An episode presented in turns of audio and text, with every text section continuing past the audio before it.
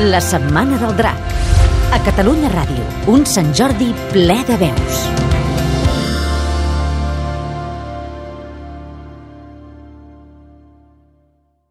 Una vegada vaig anar a Birmània vigilant una expedició del Blanc d'Espanya.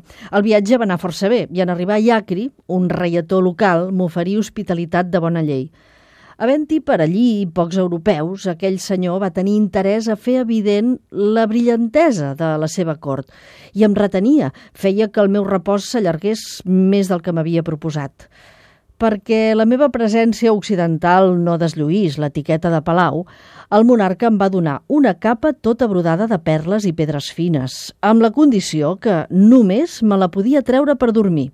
Les residències reials d'aquells països són com una mena de parc on bèsties i persones viuen en comú, guardant determinades diferències. Hi ha una gran quantitat d'ocells, elefants de jardí, felins, tortugues sagrades i profanes, insectes de la temporada i altres animals tan rars que arriben a fer respecte. L'estada allí era una festa seguida. Cantàvem, ballàvem i menjàvem del matí al vespre i cada vici tenia la seva satisfacció. Però, com jo era persona manada i mai no he negligit del deure, va venir el dia del comiat i el reietó, per obsequiar-me, va organitzar una gran exhibició folclòrica. El sobirà, vestit de gala, em va fer seure al seu costat. Tenia una pantera als peus i un lloro magnífic a l'espatlla dreta. Va picar de mans i començar el programa.